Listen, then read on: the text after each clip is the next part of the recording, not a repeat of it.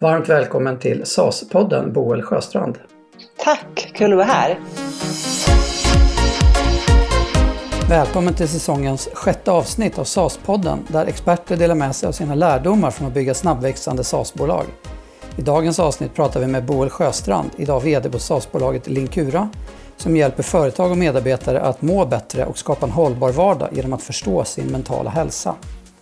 Boel har en spännande bakgrund med sig in i SAS-världen eftersom hon spenderade drygt 11 år som partner och COO på Netlight, som under hennes tid där växte från 30 miljoner till en miljard i omsättning. Och vi pratar bland annat om vad hon tagit med sig från konsultaffären in i SAS-världen.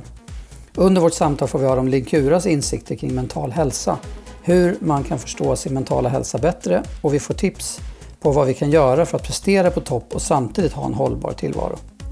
En viktig takeaway från samtalet är att mental hälsa är individuell och att organisationer och chefer som vill få sina medarbetare att må och prestera bättre måste hitta verktyg för att prata om och jobba med mental hälsa. Jag kan varmt rekommendera det här samtalet som en startpunkt för alla som vill förstå området bättre. Vi börjar som vi alltid gör med att du får berätta för lyssnarna, vem är du och din bakgrund som har lett dig fram till Linkura? Ja, ja men jag är min stora så här, claim to fame, om man får börja med att skryta över saker som man är stolt över, varför inte en regnig novembermåndag? Min, stora, min längsta tid i karriären har jag på ett IT-konsultbolag som heter Netlight Consulting. Där jobbade jag i 11 år och var med och byggde bolaget från, ja, när jag började var vi 30 och när jag slutade var vi 1000 och nu tror jag att man är uppåt 1500 och still going strong, liksom växer kraftigt. Eh, så där var jag partner och COO. Eh, efter det så blev jag, eh, då var jag VD på ett bolag som heter Wise Professionals som är experter inom rekrytering faktiskt. En del av Wise-koncernen om man känner till dem, börsnoterad som stor HR-koncern. Men, så att, men min, i början i botten är jag civilingenjör så att liksom min ingång har hela tiden varit teknik och processer och hur hänger saker och ting ihop. Eh, men mitt tillämpningsområde har liksom på något sätt kommit att bli människor. Eh, och jag tycker det är ganska intressant. Det är väl en, så här, eh, en så reflektion jag har. Alltså, men det är, kanske det, det är kanske det man gör som civilingenjör i digitalisering. Man kanske får människor att bli väldigt bra så att robotar kan göra andra saker. Jag reflekterar kring. Ja, och det där har då så lett mig, eller så filosofiskt liksom, men det har lett mig till där jag är nu, när jag är VD för ett företag som heter Linkura där vi mäter mental kondition, mäter och tränar ska jag säga. Vi får väl prata mer om det, men jag är egentligen inte så intresserad av att mäta utan mer att träna och åstadkomma förändring. Men vi eh, jobbar med mental kondition utifrån att vi mäter fysiologiskt på kroppen, så där får jag liksom vifta med min ingenjörsflagga. Eh, men det intressanta är, vad kan man göra med det? Jo, men man kan ju få människor och team att må väldigt mycket bättre och därmed också prestera väldigt mycket bättre på jobbet och så för all del komma hem från jobbet och fortfarande ha energi över och kanske tycka att man har ett bra jobb för att man orkar vara glad även efteråt. Men innan vi springer in mer på Linkura och det här med, med mental kondition, så jag är ändå nyfiken på Netlight. De flesta känner nog till det. Om man inte gör det så borde man läsa på lite för det är ju ett fantastiskt bolag, en fantastisk liksom, eh, tillväxtresa som det bolaget har gjort. Och du, du var där från, från att ni var ganska små tills ni blev stora. Jag tänker att det måste ju finnas eh, ett antal saker som du kan ta med dig därifrån. Även om inte Netlight var ett SAS-bolag utan det var ett konsultbolag. Kan du inte prata lite mer omkring dina roller på Netlight och eh, vad du liksom kan ta med dig därifrån nu när du är kommit över till mer SAS och tech? Ja, just det. Ja, men, eh, lite kul. Jag tänker att så här, Netlight var ju liksom konsultbolaget bakom väldigt många av de framgångsrika SAS-bolagen. Så att på ett sätt så har jag jobbat med SAS superjättelänge utan att tänka på det som ur ett affärsperspektiv utan kanske mer från ett teknik och utvecklingsperspektiv. Men eh, det finns ju supermycket grejer jag tar med mig därifrån och nästan att det så växer på mig dag för dag. Så nya insikter kring ja, men så här, misstag vi gjorde och saker som vi gjorde bra från början. Vi hade tur när vi tänkte kanske på Netlight eh, som vi använder både i när, jag, liksom, när vi bygger Linkura som bolag nu, men också i det vi gör till våra kunder. Alltså när vi, både Netlight och Linkura hjälper ju andra kunder att bli bättre i sin affär, om än med olika verktyg. Men, eh, men om jag säger lite mer specifikt på Netlight så jag gjorde nästan allt möjligt där. Jag började som säljare, eh, vilket jag alltid tycker är ett bra ställe att börja på, för då fattar man affären. Eh, och där blev det ganska snart blev utmaningen när man säljer konsulter, då säljer man ju bara förtroende. Och så att försäljningen är på ett sätt ganska enkel, för det är, så här, det är bara en resurskonsult som ska göra ett visst antal timmar med en viss kompetens. Och samtidigt så är den ju superkomplex. För det är en människa som ska passa in i en annan, eh, ett annat team och snabbt kunna göra resultat i det teamet. Och man har ju ingenting att visa på, man kan inte dema någonting, man kan bara prata om, det är egentligen bara förtroende. Så där började jag och sen gick det vidare i liksom leverans, eller egentligen med andra ögon så tänker jag på det, vad är det man säljer när man säljer ett konsultbolag? Och då tänker jag, men man säljer, vitsen med att det är ett bolag är att man säljer alla, allas samlade kompetens. Man säljer egentligen kollektiv intelligens om man är ett skickligt konsultbolag. Och hur får man ur kollektiv intelligens ur ett gäng konsulter? Ja, men då måste man få dem att samarbeta och man måste få dem att hjälpa varandra och be om hjälp så att det gagnar kunden. Så att min försäljning kommer liksom att så här, växa sig in i egentligen ja, men det som vi idag kanske skulle kalla så här, agila processer eller eh, bygga företag kring kultur och så vidare. Men eh, det har man inte tid att göra i ett tillväxtbolag. Det hade vi aldrig tid med, men vi var tvungna. Så att vi, vi gjorde det liksom från ett säljperspektiv och ett leveransperspektiv hela tiden. Eh, konkret liksom försökte få, nu har vi en kund här, eh, vi behöver se till att konsulten som är hos den här kunden snabbt förstår kundens största och svåraste utmaning så att den här konsulten eh, kan formalisera den och be alla andra konsulter om hjälp så att vi alla kan hjälpa till att lösa kundens problem på ett supertidseffektivt sätt. För kunden betalar ju bara för en konsult, men vi vet att vi måste leverera alla. Så det kommer att handla ganska mycket om så här, människor i samarbete och det bottnade i sin tur i förmågan för människor att vara bra. Liksom. Alltså hur kan jag våga fråga mina liksom, tusen kollegor i hela Europa eh, om någonting som jag tycker är svårt och ändå vara trygg med att de nog inte tycker att jag är dum i huvudet utan tycker att det här vill jag gärna hjälpa till med.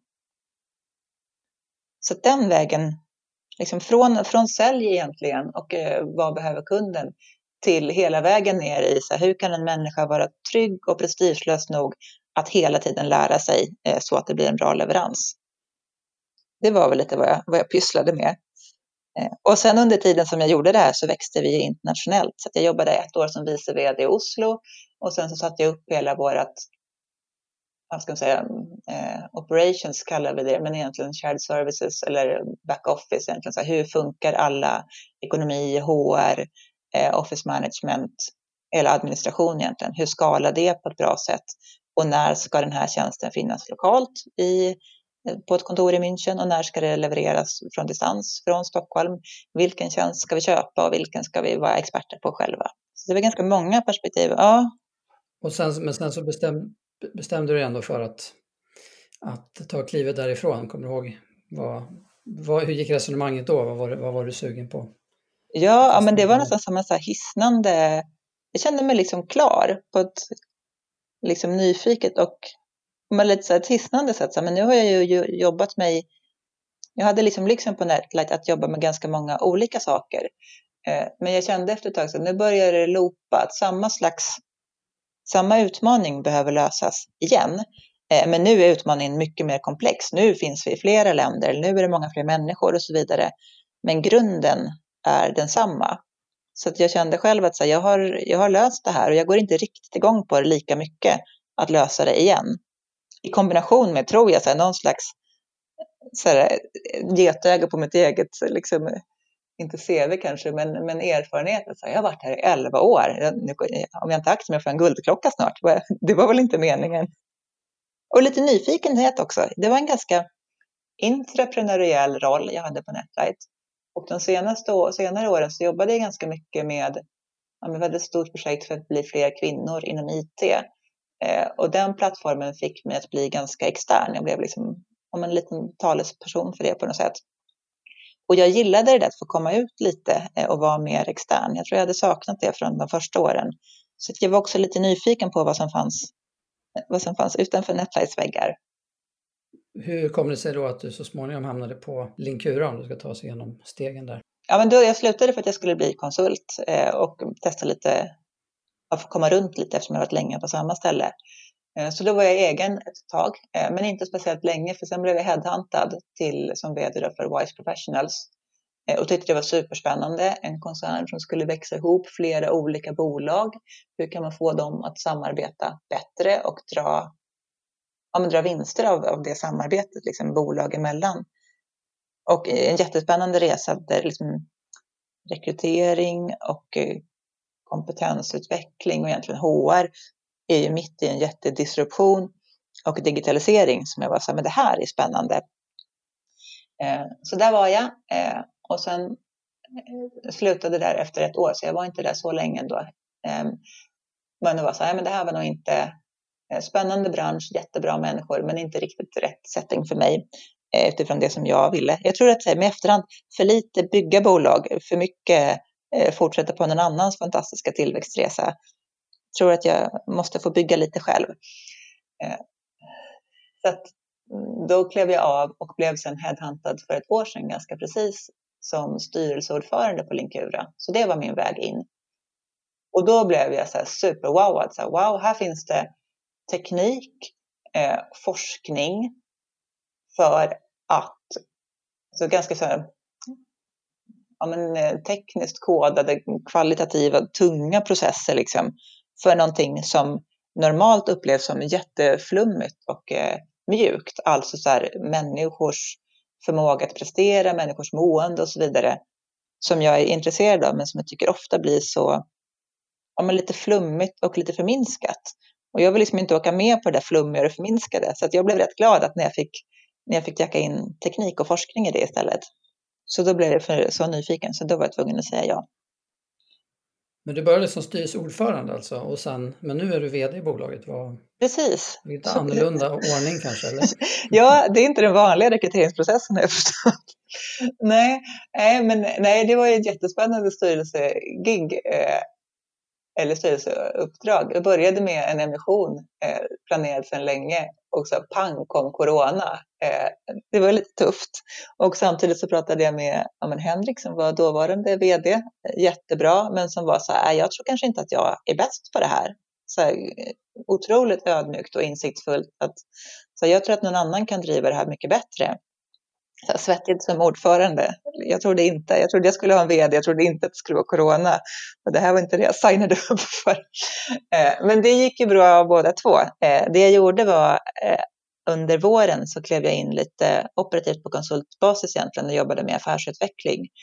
Eh, och då fick jag kläm på både så här, vilken cool produkt det här är, liksom på riktigt, man får det en nivå till när man får liksom ha affären i sina händer på något sätt. Och också vilket spännande ekosystem som jag tyckte fanns kring bolaget. Man får ju verkligen ta, liksom känna ägare på pulsen eh, när man gör en emission under corona, kan man säga. Eh, och eh, övriga styrelsemedlemmar och sånt också. Så jag tyckte liksom ekosystemet runt Linkura var spännande. Eh, jag tyckte det var bra folk. Jag tyckte teamet var superbra. Och jag märkte att jag gillade att prata om det här. Liksom, det funkade för mig. Eh, och då blev jag så här, äh, vad fasen, jag kör. Så då tackade jag ja till att bli vd i, i somras ungefär. Mm, kul, grattis! Mm. Ja men tack! verkligen tack, vad... det var faktiskt superkul. Ja. ja men verkligen kul, um, lite annorlunda väg in till en vd vd-position i ett, i ett startup kanske. Ja, men jag kan så rekommendera den alltså om man har chansen. Ja, det är inte så lätt annars om man ska bli VD att få göra DD på bolaget innan utan Nej. när det är vanliga rekryteringsprocesser då är det mer så här, ja, man har några möten i något rum och sen så plötsligt får man jobbet liksom. Mm. Ja, men, men eh, kul. Men om vi då, då grottar vi oss ner lite grann i, i Linkura då så eh, berätta mer. Vad, vad, är liksom, vad, vad är det ni säljer och varför är det viktigt? Ja, men vi, det vi säljer är ju eller egentligen så det vi åstadkommer, om vi börjar i det, så här, vi åstadkommer ju människor som mår och presterar svinbra. Eh, och det kan jag tänka är liksom viktigare än någonsin i så många, i så många aspekter. Framförallt är det intressant om man driver ett bolag. jag tänker att det finns liksom ingen, jag läste någonstans, att aldrig har så många fått betalt för att tänka som nu. Eh, och jag tänker att det verkligen är sant. Och en rätt intressant trend, alltså det stämmer ju. Nästan alla, många av dem i min bekantskapskrets eller i mitt nätverk får ju betalt för att tänka på olika sätt. Eh, så tänker jag, men yrkeskategorier som, och det, de jobben tänker jag blir fler och fler. Att tänka och att påverka andra människor. Alltså det mellanmänskliga. Och då kan det både vara, jag säger påverka, då tänker man att det låter som övertala, men jag tänker att det också handlar om att få andra människor att må bra. Att det kan vara vårdyrken eller lärare eller förskola och så vidare. Och det här tänker jag, det är som en trend som jag både hoppas och tror kommer öka. Att människor kommer jobba med att tänka och att få andra människor att må bra egentligen. Och eh, allt annat kommer successivt, eller det har redan påbörjats sedan länge, liksom hundra år tillbaka, ännu längre, men man tycker att det går fort nu med digitalisering och så vidare. Men vi har automatiserat saker länge. Men det tror jag kommer fortsätta. Och, men det som är intressant i det, för vi är ju inte så himla bra på att tänka längre. Vi har blivit rätt bra på att automatisera och digitalisera grejer, men vi har inte blivit så bra på att förbättra våra e-, egna förmågor. Alltså det som är så unikt, som bara människor kan, det som vi aldrig kan automatisera eller digitalisera. Det blir vi liksom sämre och sämre på för att vi är så himla stressade hela tiden eller trötta liksom. Just det, vad menar du att det är då som vi... Som vi ja, vad det blev här, det var inte meningen, men så kan det gå i november. Nej, men jag tänker att det som vi blivit, det, det, det är, är ju att vara smart. Så här, att och att vara smart kan både vara att komma på en bra lösning, komma på hur man så här, drar pitchen för just den här kunden, hur man, jag tänker mycket så här, eh, programmering och såklart, så här, hur kan man utveckla en tjänst som är superbra, eh, liksom hela, och hur kan man hur kan man samarbeta effektivt? Det är ju jättesvårt utan att vi fastnar i massa konstiga hierarkier och onödiga möten och så vidare. Ehm, och så hur kan man tänka ut allt det? För jag tror inte det handlar så mycket om att så här, äh, det finns en massa format för det, men jag tror själva grejen är att, här, att komma på det och att agera på det. Det kan ju bara människor göra liksom. Så att, ja men egentligen så här, att vara smart, att lyssna tänker jag är en sån sak också. Och då menar jag inte bara så här, alltså det finns, det finns den snälla aspekten av att lyssna, att lyssna för att vara en god medmänniska och så vidare, som ju är viktigt. Men det finns ju också så här, lyssna in en marknad, lyssna in en trend, lyssna in eh, kunder och köpare. Som ju handlar om, ja, men som trillar ner ganska direkt på, på nedersta raden. Eh, där man kan tycka att den andra sortens, liksom, den vänliga lyssnandet kanske inte syns lika direkt. Men det är samma förmåga. Att om du inte kan så här, snabbt göra en analys av så här, vart är den här marknaden på väg eller hur borde vi agera eller vilken information av all information som finns där ute ska jag söka upp och vilken ska jag eh, låta mig drabbas av och på vilket sätt. Alltså, det är rätt komplexa saker som vi kräver av oss själva och som många gör alldeles för dåligt. För att det är svårt liksom. Så att, nu blev det en lång utvikning känner jag, men, men jag gick igång lite här så det kan hända. ja. Och den andra, det andra som jag tog fasta på som du sa, det var att vi dels att vi kan bli vi är dåliga på det då, eller vi kan bli bättre, men också att vi mår dåligt av det. Precis. På stress och sömn. Ja, ja men precis. För att vi, mår, vi är ju dåliga på det här för att vi eh, är så upptagna hela tiden. Alltså vi, vi har, dels har vi massa olika saker i huvudet och sen så fysiologiskt, vi sover för lite, vi är inte tillräckligt utvilade. Ehm, så det vi gör, så här, tillbaka till en kura då, det är ju att faktiskt lösa det här problemet. Det är en ganska lyxig position att ha. För det vi gör är att mäta när man är i skick för att göra allt det här komplexa. Alltså grund, grundtesen är att människor är bra på det här. Vi kan det. Men vi håller på och stökar till det för oss genom att försöka göra för många saker samtidigt och på ett dåligt sätt. Liksom. Och genom att inte veta hur det känns när man är jättebra. Vi liksom sätter likhetstecken mellan att känna oss typ i flow eller uppe i varv. Vi, vi, tror att det är samma sak som att vara väldigt produktiv till exempel. Och eh, tvärtom då, att vi sätter likhetstecken mellan att typ vila eller så här, eh, ligga i soffan och kolla på tv-serier eh, med att återhämta oss. Fast det inte alls ser ut så för kroppen. Så vi, är inte så, vi är inte så smarta på hur vi använder våra resurser bäst. Och det eh, tränar vi på Lenkura genom att man, vi ger, vad vi har som ett, eh, ett träningsprogram egentligen, där vi ger individer insikt i hur man liksom fysiologiskt reagerar på sin vardag, alltså både sin arbetsvardag och sin hemvardag och sin sömn och träning och så vidare. Så att man kan optimera sitt både mående och prestation. Och sen kan man också, liksom, det, det är det som är, liksom, det är ju supercoolt att man kan få ett fönster in i kroppen egentligen. Men man kan också aggregera datat på en grupp och se så här, men här är det ett helt team som här, inte mår tillräckligt bra eller är under för hög belastning eh, onsdag eftermiddag. Varför, varför då? Och vad gör vi då?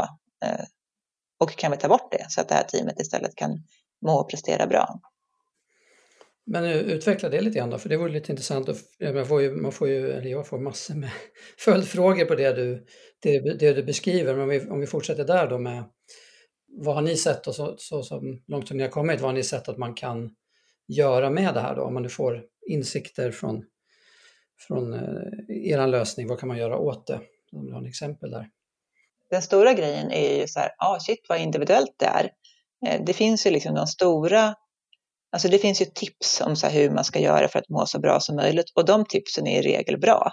Så här, jo, men man behöver sova mer, man ska inte sitta med mobilen sent på kvällen, man ska inte ha möten back to back och så vidare, utan man behöver lite tid däremellan. Eh, det som är det här, alltså jag, jag tänker så här, problemet för individer eller företag eller team är ju inte att man saknar kunskap om det här egentligen, det är ingen som bara, va? Är det sant? Varför har ingen sagt något? Att så här, man ska inte sitta med mobilen sent på kvällen. Här har jag trott att det var värsta framgångsfaktorn. Utan problemet är ju snarare insikten om så här, hur, eller det, det, det, som får en att förändra ett beteende är ju insikten så här, hur är det för just mig? Så här, hur mycket påverkar eh, att jag har möten back to back liksom en hel förmiddag? Hur mycket påverkar det det sista mötet jag har här, så här, kommer jag kunna sälja någonting i det här mötet eller inte? Nej, förmodligen inte, för jag är ju super, jag är ju slut här liksom klockan 11 till exempel. Så att eh, det, den stora grejen är att, man, att det blir en slags eh, biofeedback, en slags nudging. Så just det, så här behöver jag göra. Och man får en ganska snabb respons på när man gör en förändring så att man, ja, man ser direkt att det jag gör gör också så att jag blir bättre. Men konkreta saker eh, som, som man typiskt gör, Eh, eller insikter man får, det, det roligaste är att prata om sådana wow-grejer såklart. Eh, men typiskt den här den klassiska fuskåterhämtningen tycker jag är rolig att prata om, som folk ägnar sig åt. Så här, Åh, det har varit en så himla intensiv dag, nu vill jag bara så här, slappna av och ha det så här lugnt ikväll. Eh, jag slår på Netflix och lägger mig i soffan och bara har det gött. Liksom. Eh, men det som händer är ett så här, fysiologiskt inte alls återhämtande. Utan det här var en av mina så här, personligen stora insikter. Jag tycker att liksom, kolla på, jag kollar på typ så här, dramaserier och feelgood på Netflix och tyckte att det här är så här, min högtidsstund på, på dygnet när jag får göra det. Barnen sover och jag sitter med min man i soffan och allt är bra. Eh, men nej, det är en så här jättepåfrestning för mig. För jag, liksom, dels hänger man väl med i handlingen, man blir påverkad, man blir engagerad. Så att fysiologiskt så är det en stress. Så att om jag då så här, det, ja, så superintressant. Så att det jag gör när jag tror att jag varvar ner, så varvar jag istället upp. Så att min rutin såg tydligen ut som att jag varvade upp det sista jag gjorde innan jag gick och la mig och trodde jag skulle försöka sova bra på natten. Så, ja, och så här, jättevanligt. Sen så, nej men det är ju inget fel att kolla Netflix, det var jättehärligt. Men då, då kunde jag fatta, så, ja, men okej, då kanske jag inte ska göra det det sista jag gör innan jag går och lägger mig. Och jag fick ett incitament att inte kolla på så här, ett avsnitt till, utan kanske göra någonting annat så där, sista halvtimmen liksom, innan jag går och lägger mig. Men den är ju jättevanlig. Också den där reflexen vi kan ha eh, när man så vill vila lite, att det känns så skönt att scrolla mobilen och kolla i liksom, vilket flöde man än följer också sån jättestress, fysiologisk stress som gör oss liksom mindre smarta. Åt andra sidan så kan det också vara saker som man tror i återhämtande eh, som inte alls är det. Alltså, eller det där är ett sådant exempel, men också saker som man tror är stressande eh, som inte är det. Att man kanske tror att så här, någonting som eh, ja, man jobbar väldigt fokuserat med någonting vid datorn och bara oj, oj nu har jag verkligen så här kört här en timme och ja, tar jag från mig själv igen kan det typiskt vara så här, jag har jobbat på den här offerten eller den här pitchen eller någonting så här jättefokuserat. Men, men det kan vara, eller det är ofta för mig, en ganska fin återhämtning för att jag är så trygg med vad jag gör. Eh, jag känner mig bra, liksom, jag kan prestera i fred. Så då är jag liksom i vila. Så att sådana insikter är jätteintressanta. Det är ju, bara på de sakerna du sa nu låter det som att det finns ganska lågt hängande frukt. Liksom att, Exakt. Okej det där, eller hur, hur brukar det se ut när ni kommer ut? Alla gör ju så här, en eller ett par sådana insikter. Och det coola, coola med dem är att, att det verkligen händer. Alltså att vi åstadkommer en beteendeförändring. Och inte bara ett så här, ja, ja, inte bara det här liksom, ja, jag vet man borde. Utan det händer någonting. Jag tror att det hänger ihop med någon slags sårbarhet. När man tittar in på sin egen kropp. Alltså shit, det är verkligen så här, jag tittar på min kropp nu. Det är liksom mitt hjärta, det är mitt, mitt nervsystem eh, som jag tittar på. Och det håller på med det här just nu. Så att det cool. Och jag tror att just hur enkelt man kan se att man kan liksom unna sig, ja men okej, jag kollar väl inte på Netflix ikväll då eh, och ser hur det blir. Ja, det blev jätteskillnad okej, då kan jag väl göra det en kväll till då, liksom, om man måste. Sådär. Eh, så att alla brukar liksom hitta några och det som är så fint, tänker jag, att vi dels har vi olika fysiologi. Människor är ju faktiskt olika liksom rent fysiologiskt, men också så lever vi olika slags liv. Då kan man som hitta så här, vilka, vilka lågt hängande frukter ska jag mumsa i mig? Och det hänger väl ihop då tänker jag, för det, det finns ju både vad som jag tänker också att, att individer, ett, om man utgår från teamet då, på ett bolag så har ju också individerna rätt, kan ju ha rätt olika förutsättningar utanför jobbet, så att man kommer in till, till jobbet med olika, helt olika ja, förutsättningar och man har olika livsstil och så vidare. Precis, och det där är också jätteviktigt. Vi har ju också team som använt det här när flera, det blir ganska fina samtal och viktiga samtal när flera i ett team kör, för då men vi har några som har haft Linkura check-in på morgonen. Liksom. Så, men så här, det här skicket är jag i idag. Så det här behöver jag idag. Eh, jag har det här jätteviktiga klockan 11 idag. Då behöver jag vara, då behöver jag vara i skick. Så, att, så här, ehm, då behöver mina timmar fram till dess se ut på det här sättet. Och så, men in, en annan sån där jätteinsikt är ju sömn. Eh, att man kan uppleva, jättevanligt, det här ser vi ofta bland högpresterare. Och med högpresterare så menar jag sådana som jobbar hårt, jobbar mycket och också har en väldigt aktiv fritid. Det kan vara att man har familj, småbarn och man kanske har så här, vill träna väldigt mycket och man kanske dessutom driver någonting vid sidan om, är så här, ordförande i någon bostadsrättsförening eller har någon aktieklubb eller är med i någon träningsgäng eller sånt. Eh, men man tränar ganska mycket och, får och man tycker att man sover bra för man sover så djupt. Men när man tittar på sömnkvaliteten i sin Linkura-mätning så ser man att det bara har varit djupsömn. Så att egentligen har man typ varit så här, mm, en överdrift, men typ avsvimmad hela natten. Så man har liksom inte hunnit få till något återuppbyggande eller någon återhämtning i sömnen. Den är supervanlig. Så sömnkvaliteten, man tycker så här, men jag sov ju i så många timmar, men kvaliteten är dålig. Och då räcker liksom inte timmarna, utan då måste man jobba på kvaliteten det kan man också typiskt se, tänka på sånt där Linkura check-in, liksom, eller när, folk, när team har det. Att så här, men jag, eh, jag har inte sovit med så bra kvalitet, så att idag är jag kanske inte mitt smartaste jag. Eh, så jag ska inte, hjälp mig att tänka ut det här som är svårt. Och så här, eh, jag behöver tänka på det här innan jag går och lägger mig så att jag får lite bättre sömnkvalitet till imorgon. Ja, det låter ju fantastiskt. Så vad, hur kan man använda det här då?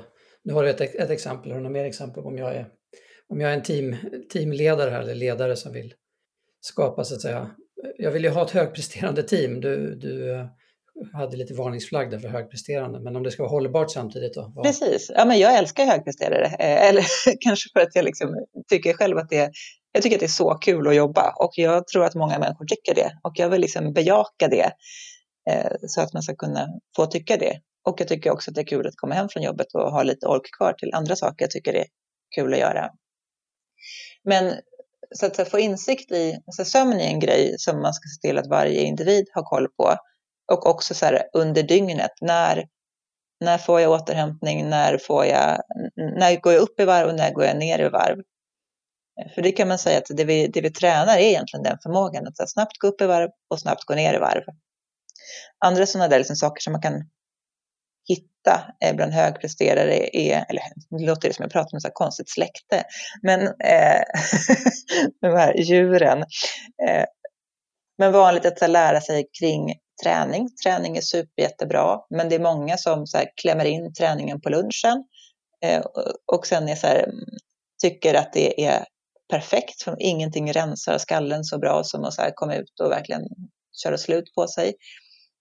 Eh, och sen, sen är man så fokuserad. Där är också en sån här bubbla som vi sticker hål på eh, lite med kärlek, eh, för det är ju jättebra att träna, men effekten är långsiktig, så att man måste ta hand om sig själv lite kortsiktigt. För att själva träningsbelastningen är, eh, det är en stress såklart, så man utsätter ju kroppen för jättemycket när man tränar hårt.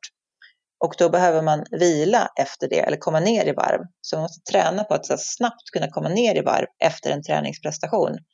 För annars så fortsätter stresssystemet vara igång. Så att det som kan upplevas som så fokus, att så här, nu har jag tränat, jag är så fokuserad, det är egentligen ett slags tunnelseende, att man är fortfarande är så stressad att man inte är så bra på att lyssna in eller tänka smart och så vidare. Så där kan det vara bra att se till att man lyckas komma ner i varv efter träningen och då kan man få en jättefin återhämtning. Där kan man också använda mätaren för att så kunna se det. Alltså, okay, men hur, har jag kommit ner i varv nu? Eller så här, hur vet jag det? För det kan vara svårt att känna. Hur lång tid tar det då? Det är individuellt kanske? Men... Ja, alltså så det coola är att det går att träna upp. Så för en otränad så tar det lite längre tid. Men är man, har man en god mental kondition, då kan man komma ner rätt snabbt. Så det handlar ju, och träning betyder både att man är fysiologiskt tränad och att man liksom har utvecklat en kompetens kring det. Så att man vet att okay, jag behöver göra de här sakerna för det funkar för mig så jag behöver äta på det här sättet eller jag behöver, jag kan göra den här andningsövningen eller, eller så här, jag gör den här jag gör den här grejen, så här, om, om jag beter mig på det här sättet, så här, jag kanske stretchar på det här sättet. Eller, ja. Så det handlar mer om att lära sig själv. Men då, då kan det gå, då är det fort, liksom, så att det är inte så här, jag hinner inte, utan tvärtom. Det finns ju en sån, sån personlighetstyp som får väldigt mycket gjort när det börjar bli tajt om tid. Just det. Att man mår bra av liksom deadlines och, och men man talar för mig själv och skjuter upp saker lite för länge men sen ja, får man ett jävla flow när man ska göra klart det precis. Eh, eh, vad, vad, har du några insikter runt det? Vad, vad kan man, vad risker med det eller är det liksom bara, det är väl bra, du får i alla fall gjort något som du sett. Ja, alltså jag tänker att egentligen det handlar ju, en del av det handlar ju om eh, det är ett slags självledarskap, jag tänker så här, hur lägger jag upp min tid? Eh, och då tänker jag så här, man kan ju det kan ju vara ett rätt effektivt sätt. Så vet man det om sig själv, då tänker jag att man rent planeringsmässigt inte ska hålla på och jobba med saker med så god framförhållning. För man kanske behöver den där liksom, lite pulsen mot slutet. Eh, men sen då, då blir det ju ju längre man skjuter någonting mot deadline, ju viktigare blir det ju att man verkligen är i skick när man sen ska göra det. Alltså om det är så här, okej okay, jag kommer inte göra det förrän deadline är på liksom onsdag och idag är det tisdag, då måste jag ju må ganska bra idag för att kunna göra det här på ett bra sätt. För jag har ju ingen chans, jag kommer inte kunna gå tillbaks och fixa till det liksom. Eh, så att om man ska, alltså dels finns det så arbets, alltså tips och tricks kring att så man kan ju hitta på deadlines tidigare och så vidare. Men, men eh, för oss som har genomskådat alla de där och det inte funkar, då tänker jag att det är ännu viktigare faktiskt att se till att man, att man är i toppform när man kräver av sig själv att topprestera. Och det kan ju handla om så här, men okej, då kanske det handlar om sömn, det kanske handlar om så här, vad, vilka distraktionsmoment måste jag ta bort, vilka stressorer finns som jag brukar liksom just för mig stressa igång mig på, hur kan jag ta bort dem och så vidare.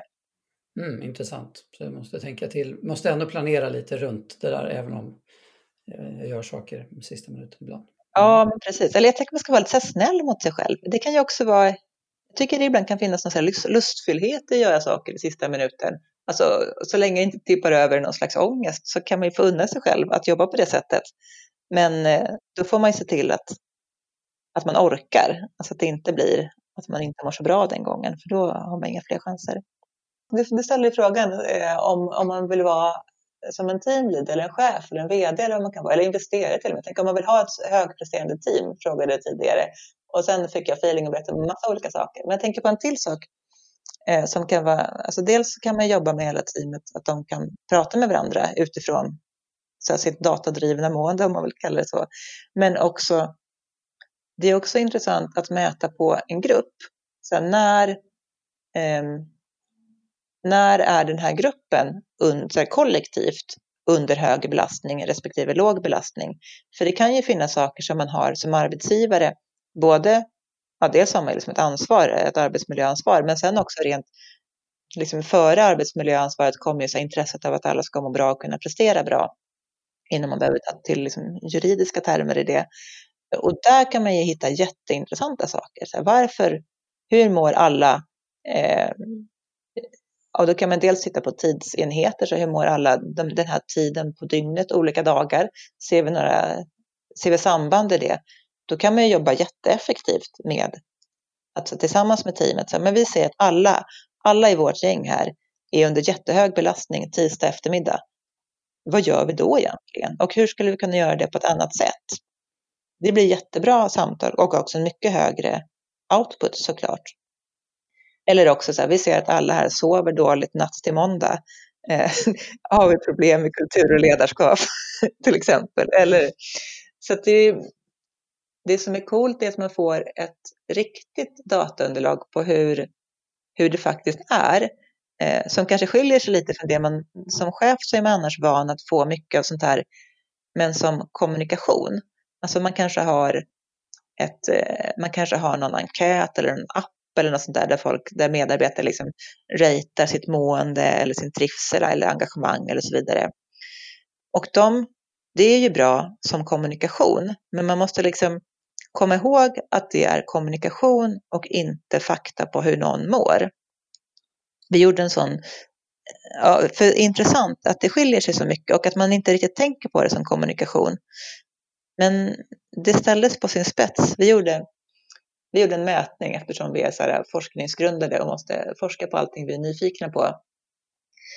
Så jämförde vi på eh, en stor grupp människor som både fick skatta sitt mående liksom med en enkät eh, och sen så gjorde vi en fysiologisk mätning på samma grupp och då såg vi att resultaten skilde. Eh, och det visste vi för sig, men vi visste inte hur mycket de skulle skilja sig. Och det visade att de skilde sig 40 procent. Så att 40 procent har liksom fel, Eh, om man får uttrycka sig så, kring sitt eget mående. Alltså man tror att man är i ett visst skick, men man är inte det. Utan... Och det, det är rätt mycket, det är nästan hälften. Och om man sedan lägger på hur sådana här liksom enkäter och sånt brukar användas um, så finns det en kommunikationsfaktor i det också. Så när jag tänker när jag svarar på en sån enkät eh, som medarbetare, då kan jag ju antingen känna så här kanske, men åh, um, Eh, nej, jag tänker inte säga hur jag egentligen mår, för jag orkar inte med att det ska bli någon himla teambuilding eller någon, så här, någon ska komma och facilitera någon workshop här, utan bara lämna mig i fred. Jag säger att allt är bra liksom. Eller åt andra hållet, så här, nu är jag så sur, nu har det varit så mycket den här tiden och så det nya CRM-systemet ovanpå allting. Jag ska, nu ska de verkligen få höra hur det ligger till. Så det finns en kommunikationsaspekt. Eh, så att först så finns det kommunikationsaspekten som är egentligen så här, hur jag kommunicerar med min kropp, att vi faktiskt inte vet.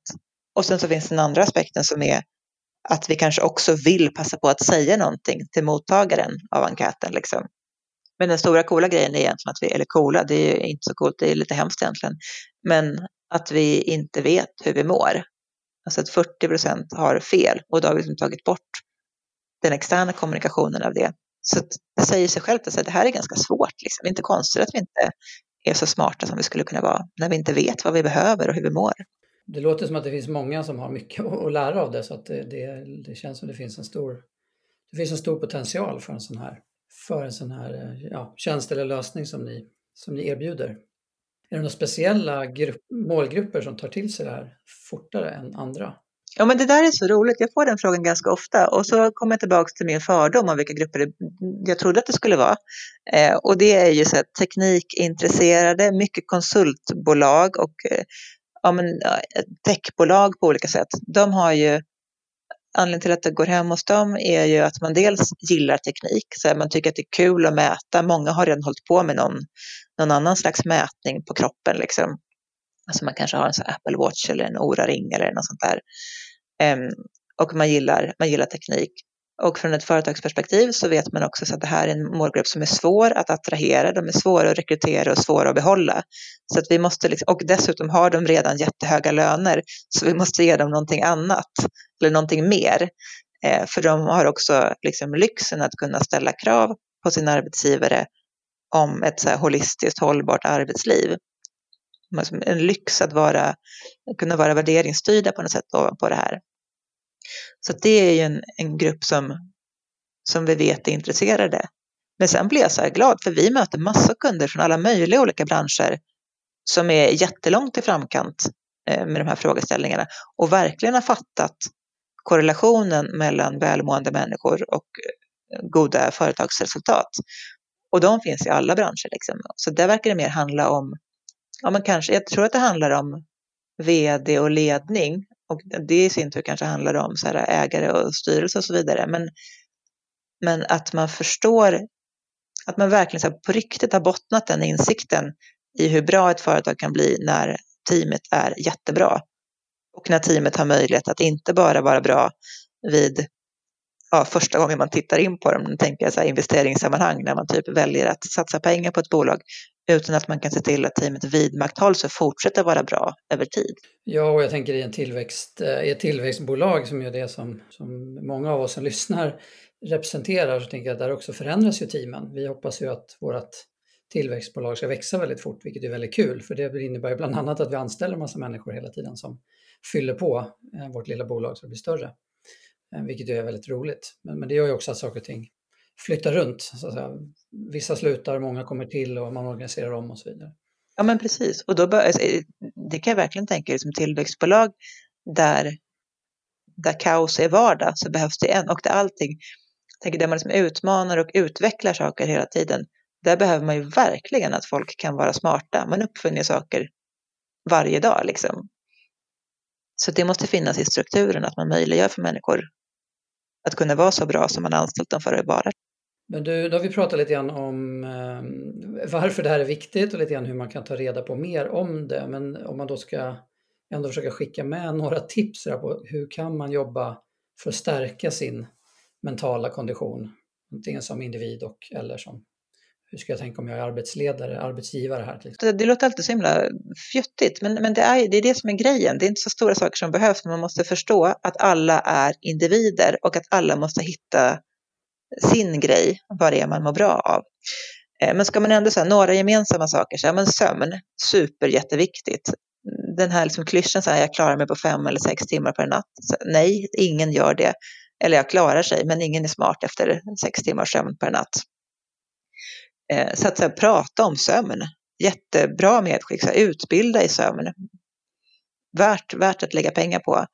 Eh, också skapa trygghet eh, och trygghet i att man är trygg med att prestera. Så när jag gör mitt jobb så ska jag vara säker på att, det, att jag är tillräckligt bra.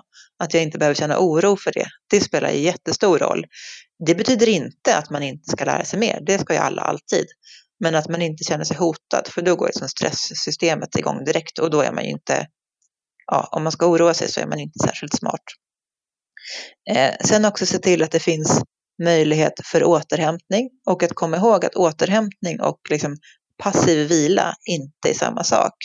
Återhämtning kan vara så här, ett kul garv med sina kollegor. Eh, återhämtning det är det för vissa. För andra är det att man får vara lite i fred ett tag, att det är lite tyst, men man kan ändå jobba fokuserat. Så att jag tror att så här, prata om olikheter och ge, vara tydlig med olika förslag. Alltså så här, skapa olika slags möjligheter, skapa så här, det roliga garvet. Så här, var, var, kan det finnas? Och också så här, nej, alla måste inte vara med i det roliga garvet, för några tycker bara att det är jättestressande. Eh, skapa så rum där man kan få jobba ostört. Jag fick en så tanke, apropå nu när, man sitter, när alla sitter hemma och jobbar och vi tycker att vi är så effektiva, att det är så bra att jobba hemma. då tänker jag liksom, nej men det är inte alls för att det är så bra att jobba hemma, det är för att det är så dåligt att jobba på jobbet, att man blir så störd hela tiden. Det kan man också fundera kring, så här, hur, hur ser kontorsmiljön ut? Eh, men också så här, se över hur man lägger upp möten, inte ha möten back-to-back, utan kanske som standard ha 45 minuters möten. Det kan man ju så här, praktiskt ställa in liksom, i kalenderfunktionen. Ja, men det skulle jag tänka är så här, bra tips. Eh, jag ger inte så mycket för sådana här eh, gemensamma stegmätare eller stegtävlingar eller gemensamma fysiologiska eller eh, vet jag, träningssatsningar och sånt. Din träning är superjättebra men det når liksom de redan frälsta. Hellre att liksom fundera genuint på så vilka är det som behöver röra sig mer och hur skulle jag kunna hjälpa dem? För de kanske inte kommer att springa Lidingöloppet hur mycket man än anmäler sig. Liksom. Ja, men det, det jag tar med mig av det du säger är väl just det här att det är individuellt. Det tycker jag var otroligt intressant ehm, lärdom i det här, att, att liksom förstå det individuella i det här. För att, eh, tror det finns väldigt mycket goda intentioner där ute, att man, man vill och man använder sig av de här olika sakerna som du har touchat med.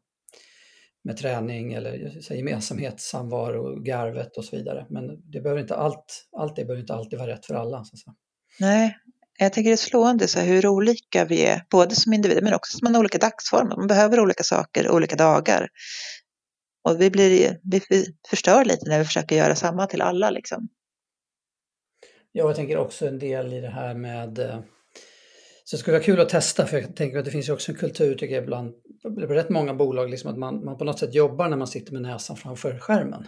Mm, just det, just det. Om folk inte liksom är på plats och sitter framför skärmen så, så jobbar man inte. Men, men, eh, och det är också en sån sak som jag tänker att man kan se med en sån här, med sån här insikter och sån här lösning. Att liksom, och, och, få upp det till en diskussion. Att så här, det kan ju minst vara lika mycket jobb som vi gjort för att vi två kollegor tar en promenad runt kvarteret ja. i 20 minuter, problemlöser någonting. Eller, eller går och garvar för den delen för att vi sen presterar bättre när vi kommer tillbaks.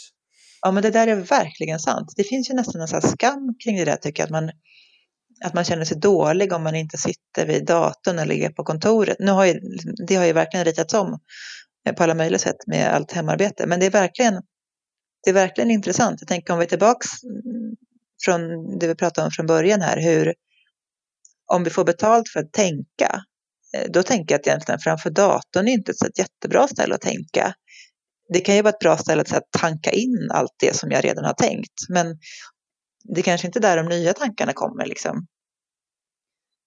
Det kan jag tänka generellt. Det, nu blir det liksom en, eh, ganska filosofiskt då, men ändå.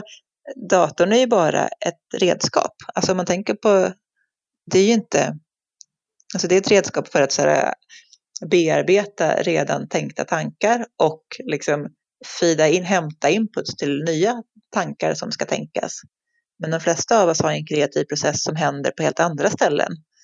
Jag tycker ofta folk säger så här, jag kom på så här, jag kom på den här idén när jag stod i duschen. Eller så här, igår när jag tog en promenad så tänkte jag på det här. Eller när jag hackade lök kom jag på det här. Liksom. Så att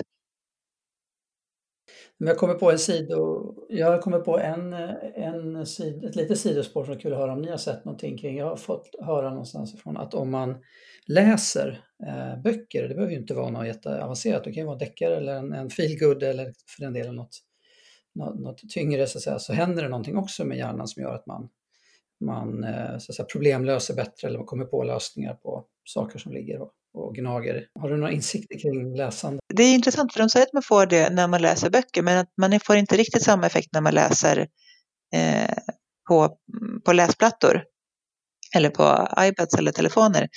Så jag tänker att det dels är någonting, alltså jag tänker att det är det kreativa i läsandet och jag tänker att läsning också, alltså man läser liksom skönlitteratur, eh, att det också handlar om att man tränar upp sig på att följa långa stories. Alltså helheter, långa processer är det egentligen. Och att det också är eh, kreativitet, tänker jag. Att det är som konst eller kultur liksom, eller så vackra miljöer. Så det påverkar oss på ett sätt som vi inte riktigt kanske kan mäta rakt av, men som vi faktiskt ser effekterna av. Och kanske också försätter oss i ett slags vila som vi behöver som kontrast till liksom andra saker. Om vi ändå ska börja knyta ihop säcken lite grann så tänker jag Eh, nu har ju du kommit in då som ganska nyligen ändå VD i ett SaaS-bolag. Finns det någonting som du tänker kring, kring eh, andra SaaS-entreprenörer kan vara intressant att lyssna på? Några insikter du har tagit med dig så här långt i, från hur omsätter man det här till, till ett SaaS-bolag? Ja, men, ja, men en, en insikt som jag har, jag tänker så här, min ingång i SAS är ju från början så här att vi sålde konsulter som jobbade i olika SAS-bolag. Eh, så att jag började från så här, tekniksidan. Eh, men sen liksom där jag har hamnat nu är, jag tänker att jag går lite så här full circle, så det handlar om tekniken. Men sen handlar grejen är så här, hur får man ut den här, hur får man ut tekniken? Någon slags go-to-market och så få, eh, få försäljningen att bli långsiktig. Och då tänker jag så här, ah, shit, det här är typ konsultförsäljning, alltså, eller konsultleverans kanske snarare. Så här, hur kan man liksom effektivis effektivisera och i viss mån digitalisera eh, leveransen? Jag tänker så här, hela branschen som så här, kring customer success managers och sånt där handlar ju om precis det. Eh, så det där tycker jag är jätteintressant hur, så här, hur, det, finns ju, det finns en idé om att SaaS-bolag är så självspelande, men jag tänker ju mer jag så här, gyttrar in mig i, i, i branschen som koncept så är jag så här, nej, det är det ju inte alls. Det är ju det är konsultbusiness det här också. Det handlar ju hela tiden om att så lyckas få kunder och användare att använda produkten. Och det är det som är, det är, det som är trixet. Själva tjänsten är liksom det lätta. Det svåra är att få någon att använda den över tid. Om, så här, om man kan tycka att det går att separera. Men de som lyckas få ihop det är de som blir framgångsrika. Det är de som alltså man kanske använder som konsument mycket.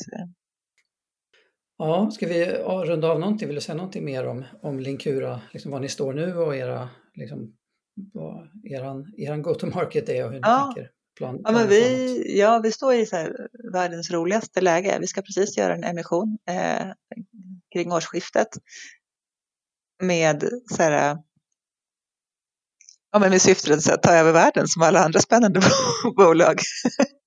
ja, och vi har gjort en powerpoint så vi ser att det kommer bli lätt och roligt hela tiden medan vi gör det här.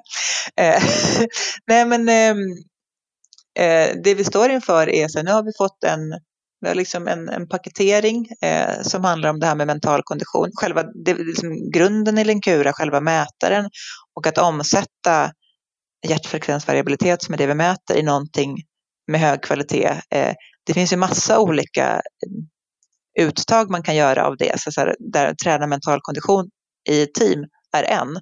Men på sikt så kan man använda det här i liksom alla möjliga mer eh, vårdrelaterade spår. Eh, det är ju en marknad som växer jättestort.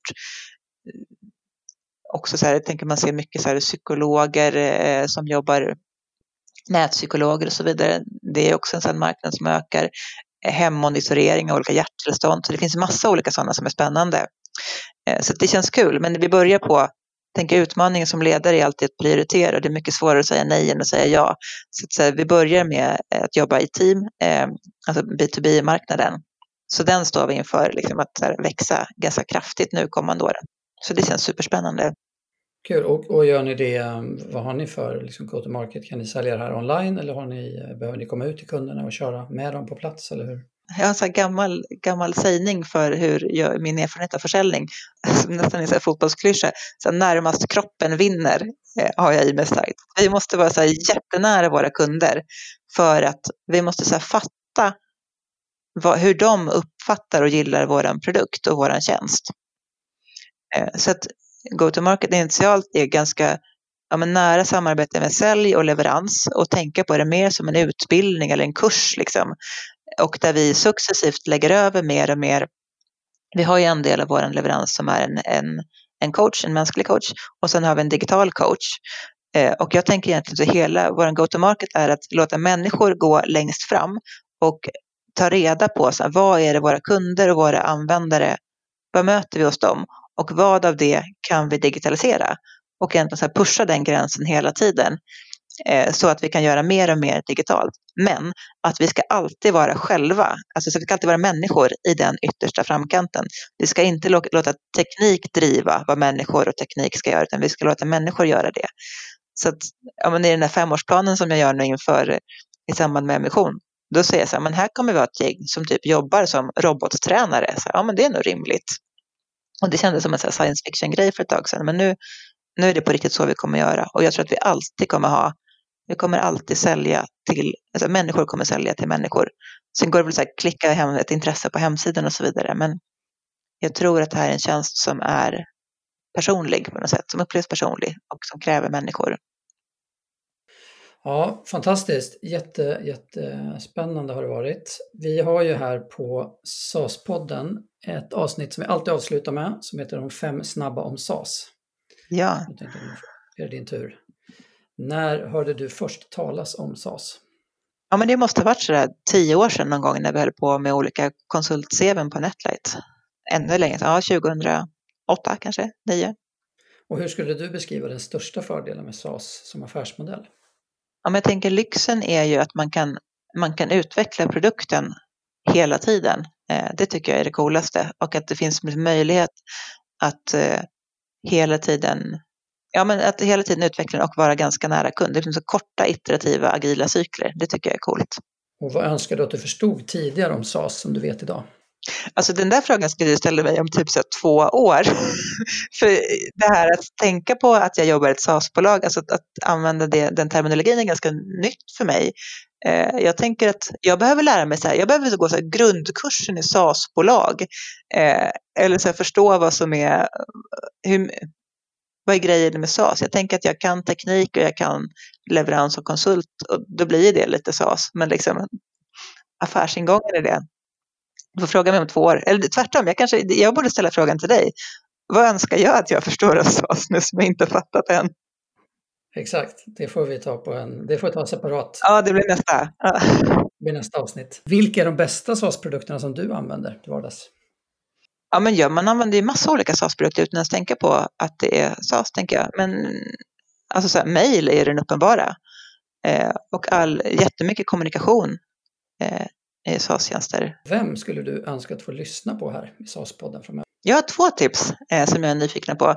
Eh, dels så vill jag slå ett slag för, eh, jag tänker att SAS-bolag jobbar med, eh, ofta i tillväxt, behöver en diversifierad blandning av människor och ofta söker techprofiler eh, och som kanske inte är män. Och då vill jag tipsa om Linda Viaderny som jobbar med rekrytering och är jätteduktig på att rekrytera baserat på kultur och eh, diversity inclusion egentligen. Rekryterare på Netlight, superduktig. Eh, så det var den ena, eh, verkligen tips. Och, den an, mm, och den andra är som jag är nyfiken på men och som jag inte känner själv. Martina, och nu får skämmas för att jag inte kommer ihåg vad hon heter, Kling någonting, som vd och grundare för Telnes, som jag tycker verkar vara superspännande. Telekombolag. Klingvall. Martina Klingvall. Det tar vi med oss. Tack för jättebra tips. Vi tar med dem till önskelistan och försöker få med dem här framöver i SAS-podden. Ja, då kommer jag lyssna igen. Ja. Stort tack Boel Sjöstrand för att du var med oss här på SAS-podden. Tack, det har varit jättekul.